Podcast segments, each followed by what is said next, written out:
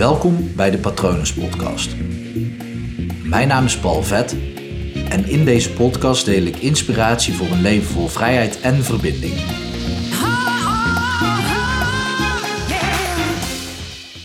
Vrijheid krijgt pas waarde als er iets tegenover staat. Dat werkt met alles zo. Ehm, licht en donker. Zonder licht is er geen donker en zonder donker is er ook geen licht. Ehm, kijk naar stress. Tenminste, kijk naar ontspanning. En op het moment dat je dan aan stress denkt, dan kan het pas ontspanning zijn. Dus eerst moet er spanning zijn, dat is het betere voorbeeld. Eerst moet er spanning zijn en daarna kan er ontspanning zijn. Er, is, vanuit ontspanning ontstaat geen ontspanning. Ontspanning kan alleen maar uit spanning ontstaan. Zo werkt dat met vrijheid ook.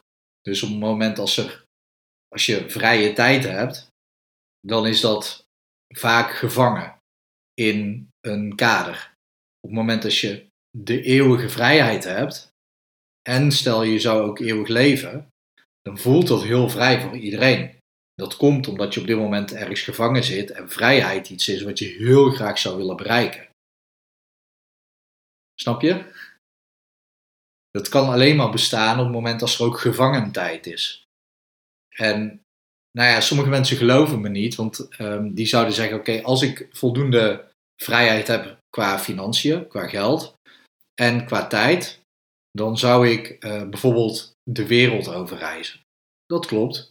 En dat zou je één keer doen en dan zou je heel veel plekken op de wereld kunnen bezoeken. Moet je nog steeds iets, hè? en dan is het nog steeds gevangen in vliegen en ergens naartoe.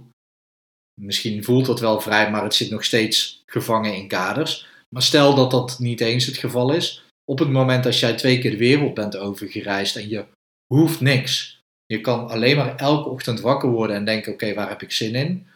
Dan is het gevoel van vrijheid dat dat verdwijnt, omdat er niks meer tegenover staat. Er moet tegenover vrijheid iets van gevangentijd staan. En dan denk je, Paul, waar heb je het over? Hoe kom je daarbij? Um, simpel voorbeeld. Ik heb afgelopen jaar heb ik twee keer tussen twee banen ingezeten. Eén keer heb ik een vrij lange periode tussen twee banen gezeten. En had ik dus alle tijd om ook bijvoorbeeld elke dag een podcast of video op te nemen, een post te schrijven en mensen te coachen. Ehm, daarnaast had ik ook nog tijd, volle bak tijd om een boek te schrijven. En nou, ik had alles kunnen doen. Uh, sporten. Ehm, en ik heb veel van dat wel gedaan, maar ik voelde me niet vrij. Ik voelde me juist veel meer gevangen. En daarna had ik een andere periode, want ik kreeg een baan. Daar heb ik een week of tien gewerkt. En tussen het einde van die baan en het begin van mijn nieuwe baan zat precies drie weken. Ja, wauw, die, die vrije tijd, die voelde geweldig. Want die was dus gewoon gevangen tussen ja, twee andere gevangen stukken tijd. Snap je? Daarom is vakantie ook zo lekker. Vakantie voelt heerlijk omdat je er hard voor hebt gewerkt. En omdat je maar even vakantie hebt en dan ga je er ook volle bak van genieten. En er is weer een einde aan de vakantie. Op het moment dat er geen einde is aan de vakantie, dan geniet je ook niet van de vakantie en voelt dat ook niet als vrijheid. In het begin wel. En misschien zijn mensen zo, misschien jij ook wel, zo hard aan het werk in hun baan, in, in jouw baan dus. En ben je ook gewoon toe aan twee of drie maanden vrijheid. Dat kan ik me voorstellen. Maar op het moment als dat twee jaar gaat duren, dan, dan zal je merken dat die vrijheid eigenlijk niet meer vrij voelt. Dat draait dan om. Dat, dat wordt dan een soort van gevangenis. En ik kom er nu met name achter, want ik, ik zeg wel eens dat ik een parttime job heb hiernaast. Dat klopt ook, alleen ik werk 38 uur, dus de meeste mensen vinden dat fulltime. Mijn baas vindt dat ook fulltime. Maar door het parttime te noemen, geef ik mezelf daarnaast ook wel de ruimte en tijd om bijvoorbeeld mensen te coachen, opleiding te volgen, te sporten, met vrienden af te spreken en deze podcast op te nemen. En mensen denken dan: wow, jouw leven zit wel vol. Dat klopt.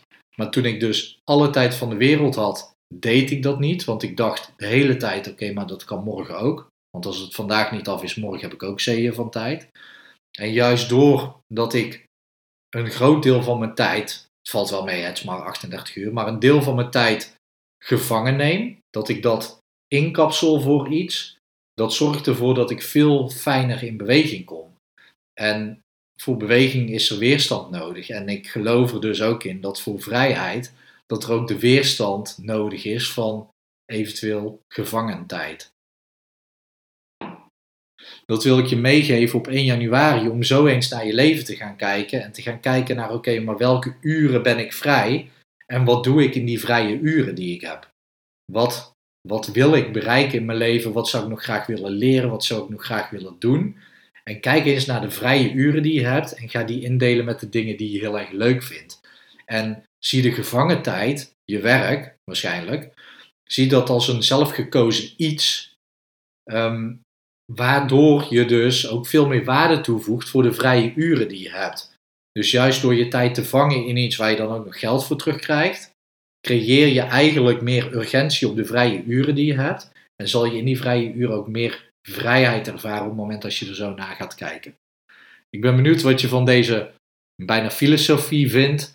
Um, ik weet niet of dat het uh, ooit wetenschappelijk bewezen is, maar op het moment als je er zo naar kijkt, dan denk ik dat je je er wel in zou kunnen vinden. Zo niet is dat ook oké.